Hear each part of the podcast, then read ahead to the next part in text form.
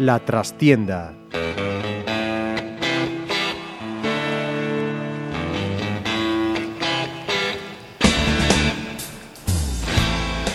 Saludos amigos, os habla Ramiro Espiño en nombre de todo el equipo. Comenzamos una nueva edición de La Trastienda en Pontevedra Viva Radio. Casi sin enterarnos, llegamos con este a nuestro programa número 15 y con él vamos a despedir nuestra primera temporada, o media temporada realmente, que es lo que ha sido, porque la trastienda se toma un descanso veraniego para volver luego con el inicio del curso futbolístico 2016-2017. Por eso en esta ocasión queremos hacer un repaso y sobre todo analizar expectativas de nuestros dos equipos más representativos, Pontevedra y Teucro, conocidos ya gran parte de los movimientos que habrá en sus plantillas, así como las necesidades por cubrir para alcanzar unos objetivos que pasan en ambos casos por luchar por los puestos de honor.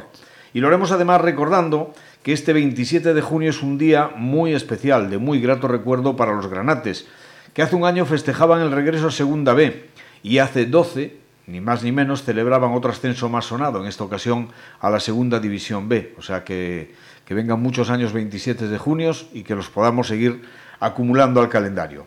Pero también habrá tiempo para ese gran acontecimiento que esta semana convertirá a Pontevedra en la capital europea del piragüismo con la celebración del Campeonato Continental de Maratón.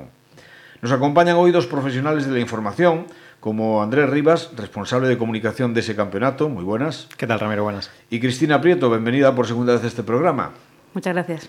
Además tenemos a un exjugador, ex técnico, pero que estoy seguro lo de ex se lo vamos a retirar muy pronto porque va a volver a la actividad, eso, más pronto que tarde. Y además ejemplo de superación ante la adversidad. Óscar Guimeráns, la perla de Monteporreiro. ¿Cómo estamos? Hola, ¿qué tal? Muy buenos días. Bueno, eh, yo quiero empezar con, por Óscar precisamente, porque de verdad que el deporte mm, deja muchas enseñanzas positivas pero también alguna negativa. Y en el caso de Óscar Guimeráns, la negativa viene por la mala fortuna que se ha cebado con él y que sin embargo no ha logrado nunca arrancarle la sonrisa. Luchando contra un tumor que le ha cortado su carrera más de una vez, llevándolo al quirófano ya. ¿Cuántas veces, Óscar? Seis, esta sería la séptima, que será en agosto, en septiembre, más o menos. Pero siempre optimista, sin rendirte nunca, ¿no? Sí, yo pienso que no hay otra manera de llevarlo, pues si no, pues te hundirías. Entonces, pues siempre hay que ser positivo y sacarle el lado bueno a, las cosas que te suceden. Desde aquellos tiempos en que yo te vi jugar allá de, Alevín y de Benjamín en Aseca, luego al Deportivo de A Coruña, ¿cuántas, cuántas vueltas? Eh? Sí, desde que jugaba con tu hijo además en, en Alevines, en la Seca, en el campo de Bora, y bueno, luego pues fuimos avanzando y fueron sucediendo las cosas me fui pronto. un bicho malo, ¿eh? Lo, digo, lo digo en el buen sentido, porque o sea, un Mingurrillas como tú y que ponía, le he visto en el campo de Portonovo una final siendo Benjamín, creo todavía. Alevín. O Alevín, sí, una final Alevín de, de Copa, que ponía el balón en el segundo palo en el saque de córner. Además, contra Fran Rico, siempre nos enfrentábamos, y en ese equipo estaba Fran Rico y Marcos Bermúdez, que después, bueno, actualmente es el portero del Céltica y, y en infantiles ha habido para el Real Madrid. Y fíjate tú, luego en el Pontevedra, con Javi Gracia, un entrenador del que yo creo que todos los que le hemos conocido guardamos un recuerdo excepcional, y tú especialmente porque se permitió el lujo de sentar ni más ni menos a Charles. Sí, yo creo que es un poco lo que es características de Xavi Gracia, que no se casa con nadie y si si se trabaja bien, pues apuesta por la cantera, siempre y cuando pues haya gente por la que apostar. Pontevedra, Rosa, Ribadumia, Portonovo. El Portonovo lo has dejado como técnico, aparte de haber sido jugador también esta última temporada. Por lo menos se consiguió la permanencia. Y me imagino que, lógicamente, la salud es lo primero, pero con unas ganas tremendas de volver, ¿no? Sí, un poco la, la, el abandono de la práctica del fútbol fue un poco precipitado, como todos sabéis y como ya tenía el título de entrenador, pues surgió la posibilidad eh, de entrenar al Porto Novo con el objetivo de la salvación, que nos costó mucho, pero bueno, quizás no era el momento idóneo para afrontar ese, ese reto de haber cogido al Porto Novo, pero siendo el Porto Novo y, empezar en preferente, pues lo acepté, pero a lo mejor las, las condiciones y, y la situación del club en estos momentos para un entrenador que comienza no es, no es la idónea para, para afrontar ese reto. Una de tus últimas perlas como jugador en activo la dejaste en Pasarón jugando con Rivadumia. Sí, la verdad es que yo creo que... Vaya golazo. Eh, esa semana incluso había estado hablando con, con Lupe y me dijo, ni se te ocurra celebrar un gol y tal. Y no lo celebré mucho y la verdad es que el gol pues era para celebrarlo, pero bueno, respeto al club, respeto a, a todos los aficionados y, y, y, bueno, la verdad es que guardo muy grato recuerdo de ese partido, de ese gol y yo pienso que es de, de los mejores que he marcado. Eso es algo que podríamos hablar largo y tendido. Y Cristina, Andrés, por favor, intervenid en el momento que queráis, ¿no? Porque esto pretende ser un debate, no una entrevista. Eso iba a comentar yo, ¿eh? que yo creo que teníamos que hacer un debate exclusivamente sobre el tema de celebrar o no celebrar sí. los goles contra los ex equipos. A mí me parece una tontería, porque que es ver, una por, cosa que yo por creo que hay respeto a un equipo, pero faltas al respeto a tu equipo actual. Si no lo celebras, digo yo. El gol es la salsa del Hombre, fútbol. no sé si no celebrarlo es una falta de respeto a tu propio equipo, pero sí que es verdad que yo creo que todo el mundo entiende que cuando uno está representando unos colores, cuando lo está defendiendo, por mucho vínculo que tenga con su ex equipo, no sé, yo creo que a nadie le debería parecer mal. Lo que pasa es que, bueno, ya sabemos que luego en las gradas, eso que dicen de que el público es soberano, también lo pongo bastante en entredicho. Yo en eso no tengo ningún problema, soy políticamente incorrecto y creo que el público, bueno, soberano en cuanto paga, pero eso de que tiene la razón siempre, para nada, en Bueno, absoluto. Bueno, mientras haya respeto se puede celebrar todo, solo faltaba, Claro, ¿no? O sea, eso creo yo. Es que el gol es la salsa del fútbol, hombre. Y realmente, o sea, eso de pensar que lo que le ha pasado a Oscar, que has marcado un golazo de, de- de lo más espectacular. cualquiera y que te tengas si que Prohíbe. Pero Bueno, en fin. O sea que Bueno. estabas coaccionado entonces, ¿no? por, por Lupe Burillo. Un Tenemos- poquito. No, no por Lupe, sino pues un poco eh, la gente que me conoce tampoco soy dado a meter un gol y, y hacer la típica tontería que pueden hacer muchos jugadores. Lo celebro de manera normal y, y bueno. Bueno, pues- eso, eso para mí sí que te lo digo, que es, yo lo respeto máximo, ¿eh? porque vamos, es que a veces parece que cuando un futbolista mete un gol tiene que dar tres volteretas y hacer no sé qué historias y bueno, Bueno. realmente no, estás haciendo lo que tienes que hacer, es verdad, es lógico que te alegres, pero Hace dos días eh, algún jugador que todos conocemos lo falló y lo quería celebrar él y el jugador que lo metió pues se echó a correr para el córner. No sé si sabéis quién sí, es. sí, sabemos, sabemos. Demasiado protagonismo quieren algunos a veces. Yo creo que sí, pero bueno, vamos a hablar de lo nuestro, vamos a hablar un poco, eh, empezamos por, por lo que tenemos encima inmediatamente, Andrés, ese Campeonato de Europa de Piragüismo Maratón, que además acaba de ser presentado este lunes aquí en Pontevedra y que el martes, o sea, ya, ya mismo, vamos a tener durante toda la semana piragüismo de altísimo nivel ¿no? en Pontevedra. Sí, desde luego, como comentabas, ahora mismo a las 12 fue precisamente la, la rueda de prensa de, de presentación en el Concello, en la que estuvo Anxo Ribeiro, la Concellería de Deportes, y también Alfredo Bea, el presidente de la Federación Gallega de Piragüismo. Os anticipamos No, que también... no dio ningún susto, ¿no? No, no dio ningún Lo digo susto, porque ¿no? en el izado de la bandera anda la No, caliaba el Freddy Bea. No hay nada, simplemente pudimos ya bueno, echarle un vistazo a, a la equipación que va a llevar todo el equipo técnico también, los voluntarios que esta tarde precisamente se van a acercar hasta el Pazo ya para recoger, estamos ahora en el proceso de acreditación, estamos en el proceso de recoger todo el material y demás, pero evidentemente lo bonito empieza mañana. Y esto es algo único. En Pontevedra nunca habíamos tenido un evento de Mañana, estas perdón Andrés, características. porque esto es internet, es un concepto de radio Sí. que a mí me cuesta asimilar martes. muchas veces, pero como esto es radio a la carta, para el que lo escuche en streaming será mañana efectivamente, Efectivamente. ¿no? Pero vamos a Sí, centrarnos es especificamos. martes. Es mañana martes 28. junio. Efectivamente, mañana martes 28 empieza lo que es la competición de máster, que para la gente que a lo mejor no está muy familiarizada con los términos, pues son los veteranos que todos conocemos y que además tienen un impacto, al margen de lo deportivo, van a tener un impacto social muy grande en la ciudad, porque ya sabemos que evidentemente el deporte veterano mueve muchísimo, las familias también aprovechan para acercarse a Pontevedra. Y tiene más dinero. Y tienen también, evidentemente, tienen un poder adquisitivo. Ya sabéis cómo está el tema de las federaciones, pues eh, a veces con pagar el viaje para el deportista y si no se lo tiene que pagar alguno de su propio bolsillo, pues eh, ya bastante tiene, ¿no? Bueno, el tema de piragüismo no es por ser cicuta, pero alguno ha tenido que pagarse hasta el uniforme de su propio bolsillo. Bueno, que conste que aquí en Galicia estamos dentro de lo que cabe en, en una condición muy buena. También es verdad que somos una potencia. ¿eh? Estamos hablando de que el piragüismo gallego es una de las mayores potencias del mundo. No creo que, hace falta, que haga falta recordarlo, ¿no? Simplemente hablando de medallas olímpicas, ya sabemos quién es el deportista español más laureado en Juegos Olímpicos de todos los tiempos. Es decir, O sea, que si aquí hay un, un Brexit a la gallega, Sí. ahí sí que podríamos obtener alguna medalla, ¿no? No, bueno, está clarísimo, vamos. En Galicia es potencia. Además, eh, hace escasos días hablaba precisamente con, con Alfredo Bea y le preguntaba por una preocupación que mucha gente nos transmite de, oye, ¿va a haber relevo generacional después de haber tenido esta buena generación con David Cal, Teresa Portela, Perucho? Y me decía, hombre, pues si echas cuentas, en los anteriores juegos tuvimos a dos representantes gallegos. En los eh, anteriores, es decir, hace ocho años, fueron tres.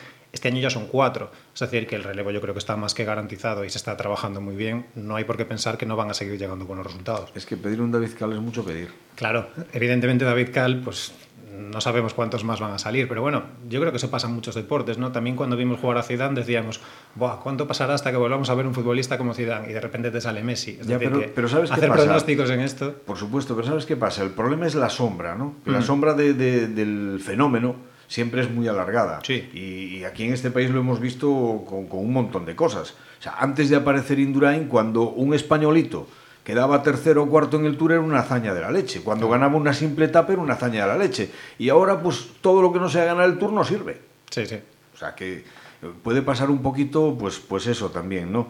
Y bueno, me imagino que evidentemente en el campeonato absoluto Oscar Graña referencia total, ¿no? Bueno, evidentemente, eso ya no hace falta que, os lo presente, pero no es la única, ¿eh? vamos a tener muchas opciones de medalla. Vamos a tener una presentación más técnica, yo os lo anticipo, el miércoles, aunque hoy fue la presentación general y mañana martes por la tarde va a ser también la, bueno, la presentación de, mm, digamos, la inauguración también del, de la campeonato de élite. Eh, el miércoles tendremos también una presentación un poco más técnica para hablar ya solamente de los campeonatos de élite. Y ahí pues aprovecharemos también para recordar un poco quiénes son nuestras opciones de medalla, que son muchas, lógicamente, porque jugamos en casa, el terreno se conoce y bueno, en todo caso lo que sí os puedo garantizar es que las condiciones meteorológicas van a ser muy buenas. Decía, bromeaba el presidente que ese tema de la gestión de, del tiempo California. lo teníamos perfectamente pactado y controlado, con lo cual vamos a tener el mejor campeonato posible, eso está claro. Bueno, para que los que nos están escuchando, pontevedreses y no pontevedreses, visitantes también, pues sepan, eh, el campo de regatas básicamente va a estar todo en la zona del Lérez, entre eh, bueno lo que es San Benitiño, digamos, hasta el puente de Santiago. ¿no? Sí, efectivamente. Además, sabéis precisamente que se ha, se ha hecho bueno, una pequeña restricción de tráfico precisamente entre esa zona del puente de los Tirantes y el puente de las Palabras, por ahí por, por Monteporreiro. Están garantizados perfectamente los accesos para que toda la gente de, la zona pues, tampoco tenga ningún problema para poder desplazarse. Evidentemente, sí que hay zonas que se han limitado para el estacionamiento, como es lógico, más que nada porque a nivel de seguridad hay que garantizar que los servicios de, emergencia puedan acceder lo más rápido posible y puedan hacer traslados y evacuaciones en el caso de ser necesario. Pero sí, efectivamente, como comentas, el campo de regatas está muy cerquita de la ciudad. Yo creo que es uno de los grandes alicientes que tiene este campeonato. Tenemos, ya sabéis, unas pistas increíbles en Pontillón do Castro, pero evidentemente es mucho más atractivo para la gente tenerlo tan cerquita de la ciudad como es en este caso, en el Puente de los Tirantes, que es realmente donde está toda el área técnica. Y, además que tiene un graderío natural espectacular, vamos, para poder ponerse por cualquiera de las dos riberas del Lérez. Sí, efectivamente, hay gradas que ya se han instalado, pero lo comentaba hace nada el presidente precisamente en la presentación, que en este caso tenemos la gran ventaja de que tenemos muchísimo más aforo del que nos marcan las gradas, porque realmente a cualquiera de las dos orillas del Lérez, eh, en, la, en, la, Isla de las Esculturas, son lugares fantásticos para seguir el campeonato y además hay pantallas en las que se va a poder seguir eh, toda la prueba en streaming, en directo. Eso sí, habrá que tener cuidado con la subida de marea. Bueno, está, yo creo que eso está todo perfectamente controlado. ¿eh? lo, lo, digo porque el puente de los tirantes con la marea alta es sí, un problema. Sí, sí. ¿eh? sí, no, pero precisamente se ha hablado también de este tema de, los, de las mareas y está todo calculado de manera que no, evidentemente no va a haber ningún problema con eso. O sea, tendremos piragüismo prácticamente desde la mañana hasta la noche durante sí. cinco días. Bueno, empezamos mm, mañana martes, sí, el día 28, y son seis días, dos con los máster y cuatro luego con el campeonato de élite. O sea que es, ya te digo, una semana que es algo único, algo que no había pasado a este nivel en Pontevedra y que bueno, esperemos que sirva también un poquito como trampolín para conseguir lo que todo el mundo desea, que es mm, atraer en algún momento el campeonato del mundo, que es el, el máximo objetivo, la máxima aspiración. Que no estaría mal, desde luego. Mm.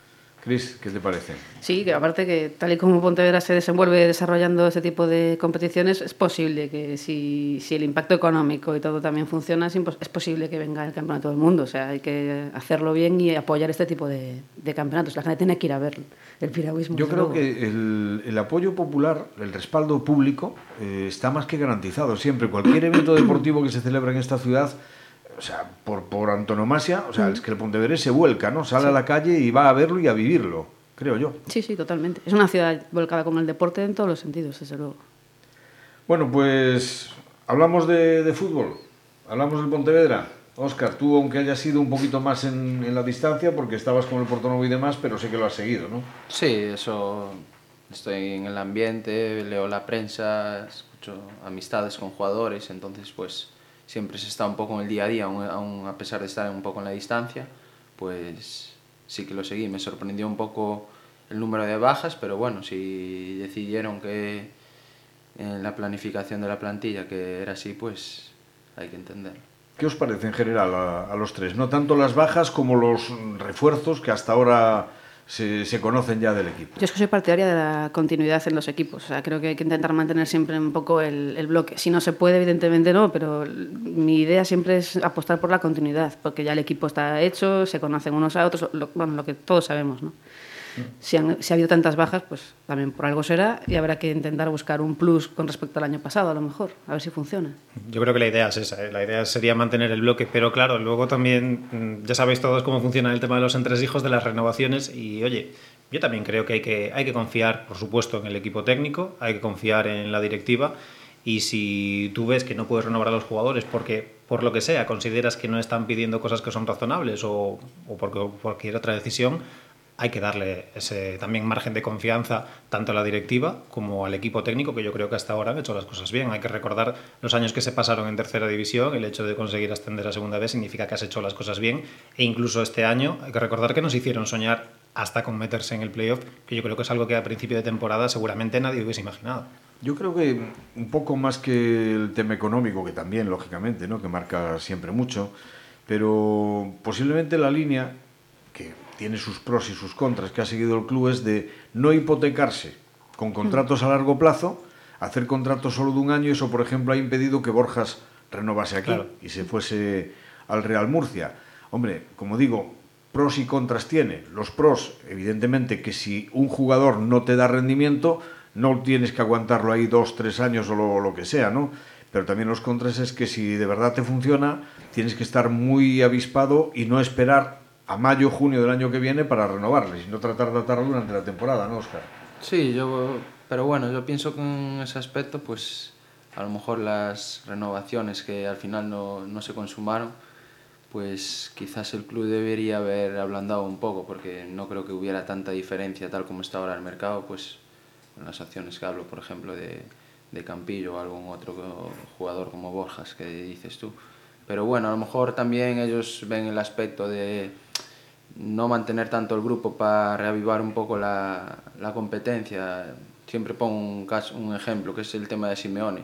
Exprime tanto a los jugadores que yo creo que cada dos años o cada año tiene que haber cinco o seis cambios en la plantilla. Tiene que oxigenar el vestuario. Porque si no, eso mucho, mucha carga psicológica y el jugador acaba acaban quemando y tiene que haber bastante renovación. O sea, que de alguna manera te lo marca un poco también el entrenador en el que confíes, ¿no? Si tienes esas, un entrenador que los aprieta... En ese aspecto sí, porque llega un momento que segunda temporada o tercera temporada el jugador ya está cansado, mucha carga psicológica, entonces tanta presión del entrenador no, no surge efecto. Ese es mi, desde mi punto de vista. Y Luisito, Luisito para los jugadores toca huevos, ¿eh?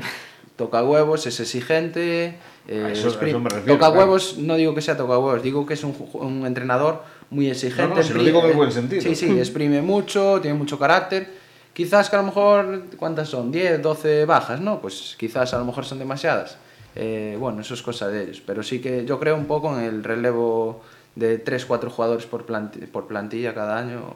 A ver, sí, sí que es verdad que salvo los casos de Campillo y de Borjas, que son quizá los que sorprenden un poquito más por el número de partidos, ¿no? Mm. El de Verdú ya lo dejo un tanto aparte, porque, bueno, el propio Luisito en, estos, en este mismo programa pues dejó intuir, sin decirlo abiertamente, que algún otro tipo de problema no deportivo tenía que haber habido con el jugador, ¿no? Y ese fue la causa de, de su no renovación, o de no ofrecerle la renovación, ¿no? Pero sí el caso de Campillo, el caso de Borjas, porque fueron los jugadores más utilizados y además, bueno, Borjas porque es muy difícil encontrar un delantero en el mercado, ya estamos viendo que es lo último que va a llegar, y Campillo por su polivalencia, ¿no? porque podía jugar indistintamente en los dos laterales y en el central. Pero sí que es verdad también que se mantiene una especie de, eje central del equipo de lo que era el año pasado, digamos un poco la guardia de corps de Luisito, ¿no? Sí, eso es cierto también. Se quedan jugadores que también han sido importantes. No solo se han ido jugadores importantes, pero yo sigo pensando que a lo mejor son demasiadas bajas y quizá el club tendría que haber sido un poquito más flexible en algunos, en algunos casos. Un poco más flexible, tampoco hay que hipotecarse como tú decías. De todas formas, también creo que el Pontevedra está buscando cambiar un poco el, el, estilo del equipo. A lo mejor está quizá apostando más por jugadores un poco más ofensivos, a lo mejor este año para buscar el plus del gol que el año pasado faltaba. Y, y más velocidad, me parece, ¿no? Sí, con parece Iker Alegre, sí. con algunos más. Mm. Puede ser, lo que pasa es que es verdad lo que comentabas, el caso de, de Borjas, ahí te la estás jugando. Cuando tienes un delantero que, que de verdad rinde, que de verdad te aporta goles, siempre es un riesgo, evidentemente, prescindir de él. Y claro, luego en el mercado eso siempre es lo que más se cotiza y es lo que más te va a costar. Nunca puedes estar seguro de que a lo mejor ahora apuestas por esto y luego al final te ves apurado al final del mercado y acabas gastándote más dinero en alguien que a lo mejor no te ofrece tantas garantías. Eso, evidentemente, es un riesgo que hay que correr. Pero fijaros, no sé, Óscar lo que opina, pero el año pasado el Pontevedra precisamente tenía un problema, que es que detrás de, de Borjas, que fueron 12 goles, pues el abismo, ¿no? O sea, el, el, siguiente goleador del Pontevedra creo que sumó 4 o 5. Sí, es un poco lo allá. que quizás... Y este año los jugadores que están viniendo, por lo menos hasta ahora, todos apuntan pues una cifra de 8 goles, de 9 goles, mm. y eso cualquier entrenador, ¿no, Oscar? Lo valora mucho porque dice es un plus de puntos añadido, ¿no? La segunda unidad que aporte también. Sí, la segunda línea, pues bien, interiores que dan 7, 8 goles, 9 goles, medias puntas. Eh, luego quizás lo que se notó bastante pues fue el rendimiento de Carnero, que a lo mejor se esperaba sí, más como duda. segundo jugador. Es un jugador de calidad, de pegada, pero bueno, no, no sé el porqué o los motivos, si no estaba bien físicamente, lesiones, si no estaba en su peso ideal, pues un poco todas las, las condiciones que le llevaron a, a dar ese flojo rendimiento este año, siendo un gran jugador. Pendiente de que tienen que venir dos delanteros, me imagino, evidentemente, delanteros, no medias puntas, porque al final en este mundo del fútbol últimamente todos son medias puntas y la, la, figura del delantero casi desaparece. Pero ¿creéis que el equipo, por la configuración que va tomando, puede ilusionar a la afición? Que responda Cristina. Hombre, todavía es muy pronto. Yo creo que la idea del club es esa, sobre todo porque están buscando también gente con más experiencia, algunos ya que eso pues tienen más edad, igual también intuyo que van a buscar también algo de más de envergadura con respecto al año pasado. Sí hacen falta. Entonces, yo creo que la idea del club es eh, ilusionar un poco y intentar, no sé si ascender, pero jugar la promoción a lo mejor sí que... Pelearlo, por lo menos. Pues igual sí, igual ya se, este año se proponen ese objetivo, que eso a la gente al fin y al cabo le ilusiona. No el, el ascenso en sí, sino jugar la promoción y que es una fiesta al final, o sea siempre tener un objetivo un poco más ilusionante también es importante para conseguir socios, que al final es lo que mueve un poco el dinamiza un poco el club, ¿no? Entonces, puede no, ser. Oscar, como entrenador, ¿qué, qué delantero traeríamos? Eh, delantero que haga goles. A mí no me vale nada que venga a recibir, que participe en el juego ofensivo. Al final, al delantero lo que se le pide son goles. Y en ese aspecto, a día de hoy, es muy complicado encontrar goles eh, sea en la categoría que sea. Y cuesta mucho. Cuesta mucho y es muy complicado encontrarlos. Yo lo viví este año en el Porto, intenté en preferente buscar eh, en delantero, es muy difícil. En tercera, a día de hoy, todos conocéis a Changui, con 40 años, sigue quedando Pichichi. Y después de él, pues puede estar Hugo San Martín, que lo fichó el Coruso, y aún así no es delantero centro puro. Entonces, a día de hoy es muy complicado encontrar goles y se cotiza mucho. Y son los puestos que, que primero tienes que fichar portería y delantero.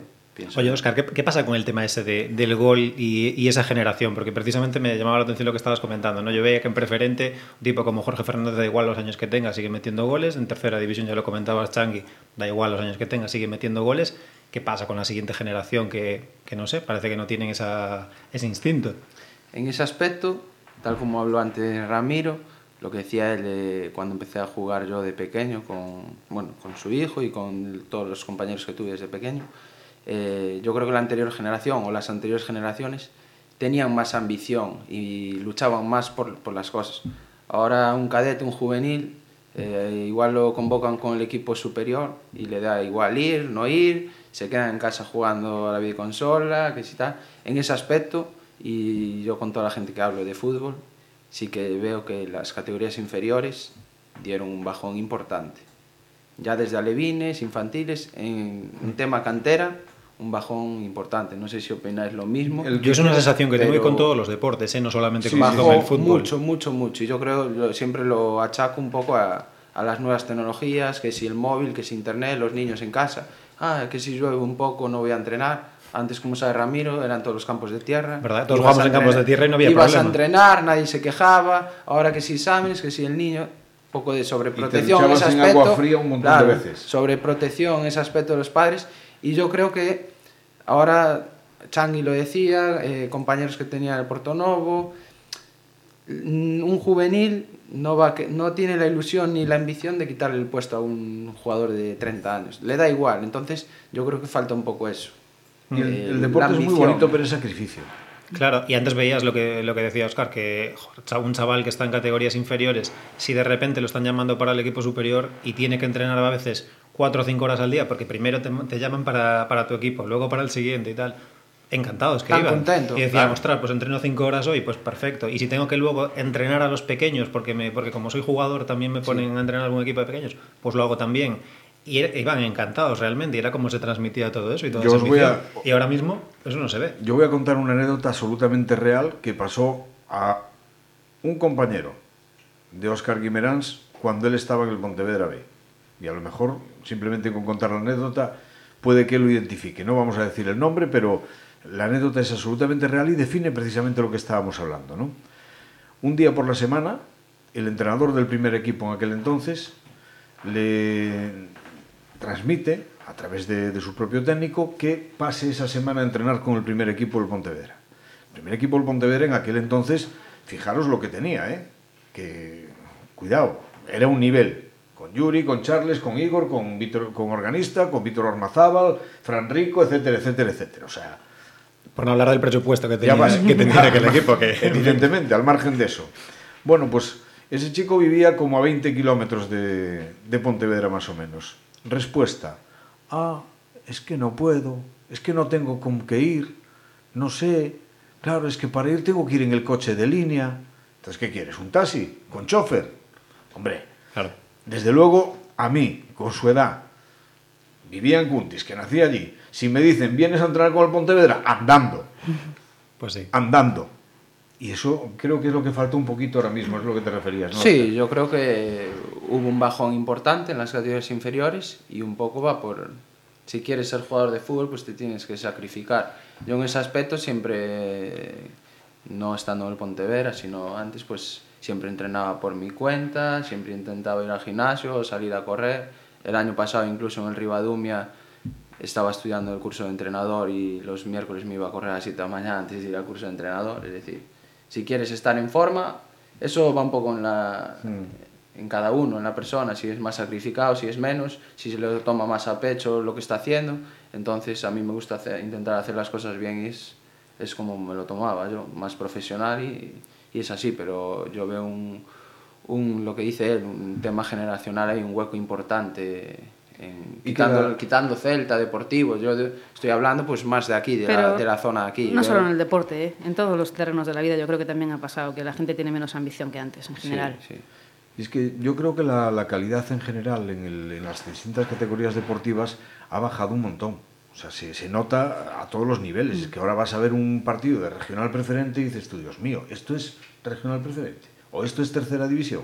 Sí, sí, es si normal. No sabe ni parar un balón. A ver, influye yo creo también el tema económico. Evidentemente estamos, sabemos el país que, que tenemos y hasta ahora parece que el deporte estaba como una especie de burbuja, ¿no? Y decíamos, oye, tenemos clubes potentes en todas las disciplinas, siendo España, que tampoco es una, una potencia económica como, como Alemania, puede ser, pero poco a poco esto se acaba desinflando y evidentemente yo lo veo mucho en el tema del balonmano. Antes estábamos acostumbrados a ver tres, cuatro equipos que podían pelear por la Liga Sobal, estáis viendo ahora que es el Barça y luego ya el, el abismo. Barça. Es el Barça y el Barça. No queda nada más. Baja el nivel, por supuesto, de todos los equipos de la Liga Sobal, baja el nivel en consecuencia también de la División de Honor Plata y todas las categorías.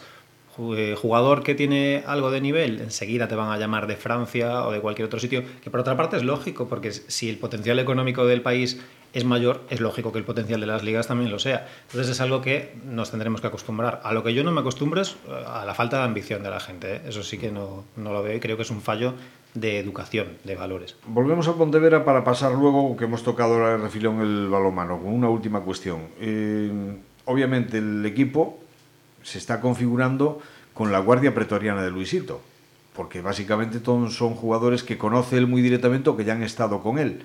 Está claro que, aunque los exprima, sabe lo que les puede sacar, ¿no? Y eso, eso quizás es un punto importante. Mm. Eso va en lo, que, en lo que decía Oscar antes, precisamente, que, claro, intentas quedarte con los tuyos, que sabes que les vas a poder exigir, les vas a poder gritar, les vas a poder decir lo que haga falta y tirarlos de los pelos, y te van a seguir rindiendo exactamente igual. Entonces es lógico que con ese grupo pues intentes hacer piña. Bueno, pues vamos a ver, a ver qué es lo que se consigue al final. Falta evidentemente la guinda, que es el gol. Eso. Es, sí. eso es lo, lo que puede determinar efectivamente, porque, ojo, que, que la temporada puede ser complicada. Ayer se, se, disputaba este fin de semana los últimos partidos de playoff, los últimos ascensos, y si se mantiene la composición de grupos, que todo está por ver, a lo mejor resulta que la Federación Española saca una proximidad geográfica y nos toque ir a Murcia. Sí, sí. Así por, por Todos los años tenemos alguna sorpresa con eso. Por, eso. por eso lo digo, ¿no?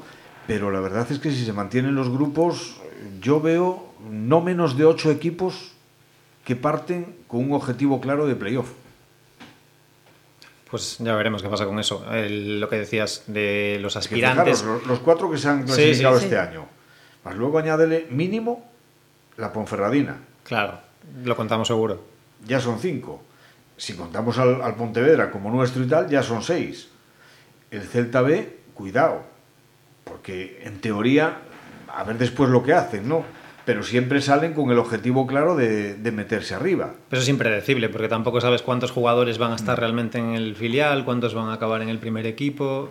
Entonces tampoco, tampoco lo puedes saber muy bien, pero es evidente que la generación que, que trae el Celta, todas las generaciones en los últimos años que viene trayendo el Celta son muy buenas. Entonces es verdad que un año lo puede pasar mal, como estos últimos años, andar peleando hasta las últimas jornadas por el descenso, o incluso descender y acabar, digamos, recomprando la plaza, pero un año es verdad que pueden dar perfectamente el pelotazo y estar arriba, la calidad la tienen, claro. Óscar, ¿tú cómo lo ves? Yo en ese aspecto pues pienso que más cauto, más prudente, yo pienso que sí, debe ser un Va a estar caro. Va a estar caro, pero pienso que no se deben obsesionar, más que nada porque yo estuve ahí dentro y estuve también en otros equipos como La Rosa que siempre están pensando en playoff en tercera, en tercera y, y a veces eso se vuelve un poco en contra de la plantilla. Yo pienso que no, el, el, Pontevedra está en una situación inmejorable institucionalmente, tienen una estabilidad económica los jugadores que no se preocupan de nada y el día 30 se le está pagando, entonces yo pienso si, que si Luisito logra hacer un conjunto bien equilibrado y que, bueno, y que tenga varias vertientes, tanto como contraataque como llevar el peso del partido, porque ahora, segundo año en segunda vez, los rivales ya te conocen un poco más, habrá partidos que tienes que llevar más la iniciativa y ahí Pontevedra es donde sufría un poco este año.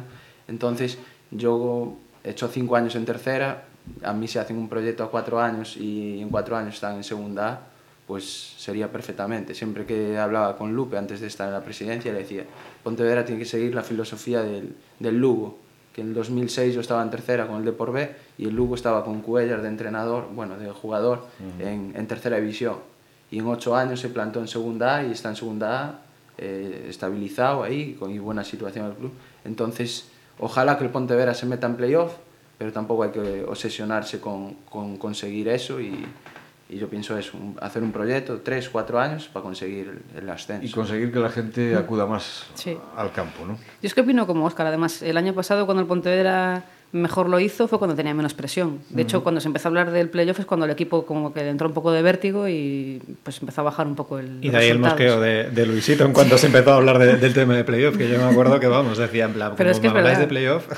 Es cierto, ahí fue cuando el equipo bajó claro. un poco. Entonces sí que es verdad que sin presión, pensando sobre todo en la permanencia, que hay que asentarse en la categoría otra vez, que todavía no estamos asentados. O sea, Exacto. que vosotros sois más de objetivos ambiciosos, sí, pero con prudencia, ¿no? A ver hasta dónde podemos llegar. Sí, y sin hipotecarse. Y sobre todo el tema del ascenso, yo entiendo que, que a la gente le gusta soñar con el ascenso y todos los años yo creo que tenemos esa licencia para soñar, pero pensemos en los presupuestos que tienen los grandes clubes de primera división y lo que les cuesta a sus filiales llegar a ascender a, segunda y cuando lo hacen el tiempo que se pasan. Estoy pensando en el caso de, del Barça B, en el caso del Castilla, les cuesta muchísimo hacer un, conseguir ascender a segunda división y cuando lo consiguen pues a veces se pasan un año o dos y nada más. No es nada fácil. El salto de segunda B a segunda es muy muy grande, con lo cual yo creo que la idea es estar ahí, estar peleando por entrar en el playoff ilusionar a la gente y eso, que la, que la masa social realmente se vuelva a sentir identificada con el equipo y con ganas de llenar el pasarón. Y hablando de ascenso, vamos ya para ir terminando con el Teucro, que obviamente después de, caer de la Liga Sobal,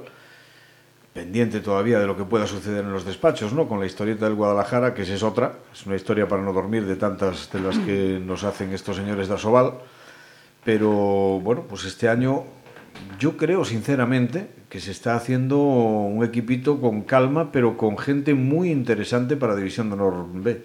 Sí, además habíamos hablado ¿no? de, de precisamente el bajón eh, de, del nivel que tiene la categoría, esa, esa División de Honor Plata, que lógicamente el Teucro todos los años no decimos el que desciende el que acaba de descender automáticamente se convierte en favorito si encima este año apuntamos que el Balomán Aragón que tendría que haber sido el otro equipo descendido sí, no junto con el Teucro no está con más motivo, ¿no? Teóricamente es un rival menos con, con el que tienes que contar. Valladolid, Vidasoa. Claro, encima los grandes, grandes de verdad, los que sabes que tenían presupuesto y que no iban a tener problemas en hacer un buen equipo, se han ido ya para, para la Liga Sobal, con lo cual, en principio, tiene que ser favorito el Teucro, claro.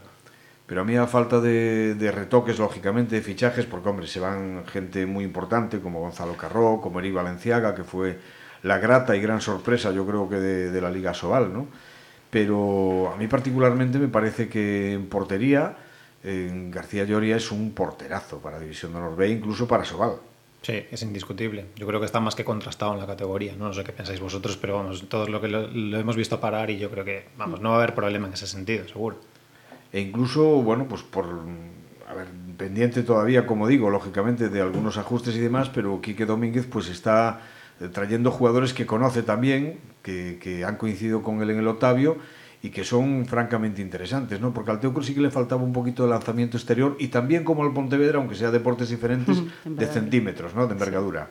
Sí. sí, sí apuestan un poco más por eso, aunque la categoría tiene razón Andrés, que es la, la, el nivel es más bajo, eh, la idea yo creo que del Teco es eso, mejorar un poco en envergadura y en, en, centímetros y la clave está en la portería, o sea, eso ya lo tienen cubierto, así que desde ahí se empiezan los equipos y luego tener encontrar un buen central, que eso es más complicado a lo mejor, pero ahí está también la clave de, del Teucro y últimamente lo estaban haciendo bastante bien en la búsqueda de centrales, se están aceptando bastante. Antes decíamos ¿no? que en, en el fútbol encontrar un delantero que las meta al final es fundamental, claro, en el balonmano tener un central y más como es el balonmano hoy por hoy, que ya no solamente pensar en el central como un, un, tío que bueno te maneja el ritmo del partido, no, no, tiene que ser alguien que también te aporte su, su cantidad de goles. ¿no? Sí, sí. Entonces, acertar con eso y acertar con la portería al final es clave. Y yo, para mí es que el Teucro tiene un hombre que es Samu Gómez que tiene que explotar. Eso, como, to, como todos los años estamos pendientes que, lo, que de que los canteranos y la gente joven que se, que se incorpora pues que den lo que se espera de ellos. Claro, no todos los años vas a tener lo que decías, la suerte de que salga Valenciaga y se convierta pues en una de las, no sé si decir de los, pero sí, sí, seguro que de los 10 jugadores más sorprendentes de la temporada en la Liga Sobal, seguro. Claro, eso no todos los años vas a tener esa suerte, pero hasta ahora las cosas se están haciendo bien y yo creo que hay motivos para confiar en la gente joven, por supuesto. Bueno, pues vamos a, a confiar en que efectivamente sea así, que vivamos una temporada bonita y exitosa para todos nuestros representantes. Eh, Cristina Prieto, muchísimas gracias de nuevo por acompañarnos. Andrés Rivas, lo mismo digo. Oscar, quiero verte en los banquillos, pero pronto, ¿eh? Sí, es, esperemos, antes. pero bueno, este año va a estar complicado por todo el proceso que tengo que pasar ahora con el tratamiento, más luego la operación y, y bueno, eh, a lo mejor si no son en los banquillos puede ser en los campos, depende todo como, como quede y, y si me permite la práctica de, del fútbol de nuevo. Saldrá bien porque te lo mereces, hombre. Esperemos. Muchísimas Muchas gracias. gracias. Y bueno, pues a todos vosotros dejamos con nuestra habitual despedida musical. Como queremos y deseamos que Pontevedra y Teucro sean los números uno, ese es el título de este tema, One, de la banda irlandesa U2. Se trata de la versión interpretada en el concierto que cerraba la gira Elevation en el 2001, celebrado en un lugar muy cerquita de sus orígenes, Slane Castle, ante nada más y nada menos que 200.000 fans, casi nada. Como cada semana que lo disfrutéis, será, como hemos dicho al principio, hasta el comienzo de la próxima temporada, allá a mediados o finales de agosto, que intentaremos que haya más y si podemos también mejor. Muchas gracias, os esperamos.